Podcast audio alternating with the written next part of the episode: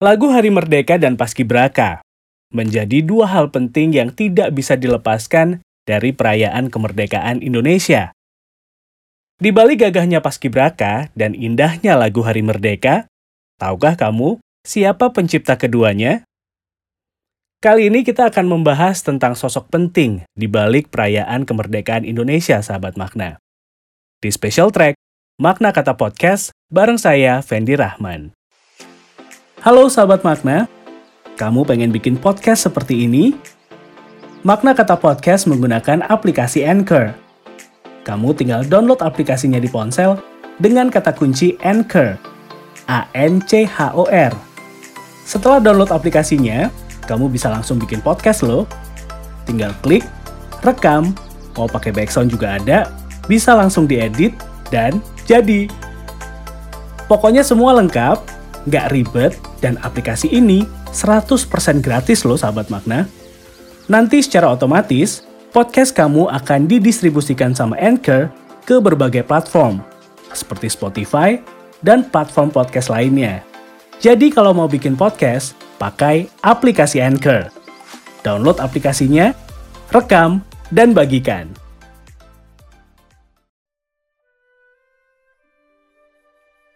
Lagu Hari Merdeka menggambarkan rasa syukur terhadap kemerdekaan bangsa Indonesia pada tahun 1945. Lagu patriotik ini menjadi lagu wajib pada tanggal 17 Agustus setiap tahunnya. Hussein Muntahar adalah sosok penting terciptanya lagu ini. Dalam biografinya dijelaskan bahwa ia tak hanya seorang pencipta lagu sahabat makna, tetapi juga seorang pejuang kemerdekaan, penyelamat bendera pusaka, pendiri paskibraka, tokoh pramuka, serta seorang diplomat. Hussein Muntahar lahir di Semarang tanggal 5 Agustus 1916. Peran pertamanya adalah seorang komposer berbagai lagu kebangsaan dan kepanduan di Indonesia. Salah satu karya sakral yang terus dinyanyikan hingga saat ini adalah himne syukur dan himne pramuka. Proses pembentukan paskibraka sendiri berkaitan dengan upaya penyelamatan bendera pusaka pada tahun 1946 sahabat makna. Kala itu, Hussein Muntahar diperintah untuk membentuk pasukan pengibar bendera. Ia mengusulkan agar pengibaran bendera dilakukan oleh pemuda yang mewakili berbagai wilayah di Indonesia. Karena keberhasilannya melakukan tugas tersebut, akhirnya bendera pusaka berhasil dikibarkan oleh lima perwakilan provinsi yang terdiri dari tiga laki-laki dan dua perempuan. Berkat keberhasilannya, Hussein Muntahar dianugerahi penghargaan Bintang Mahaputra pada tahun 1961, sahabat makna.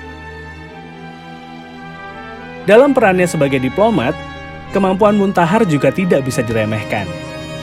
Karena memiliki kemampuan poligot yang menguasai delapan bahasa sekaligus. Di antaranya, bahasa Jawa, Melayu, Arab, Inggris, Belanda, Perancis, Jerman, dan Spanyol. Karena kemampuan itu, ia dipercaya menjadi Duta Besar Republik Indonesia untuk Vatikan pada tahun 1969 sampai 1973. Saat ini, tercatat 116 lagu yang telah diciptakan oleh Hussein Muntahar. Lagu-lagu tersebut dibagi menjadi beberapa tema, di antaranya tema nasional, alam, kepanduan, dan pramuka.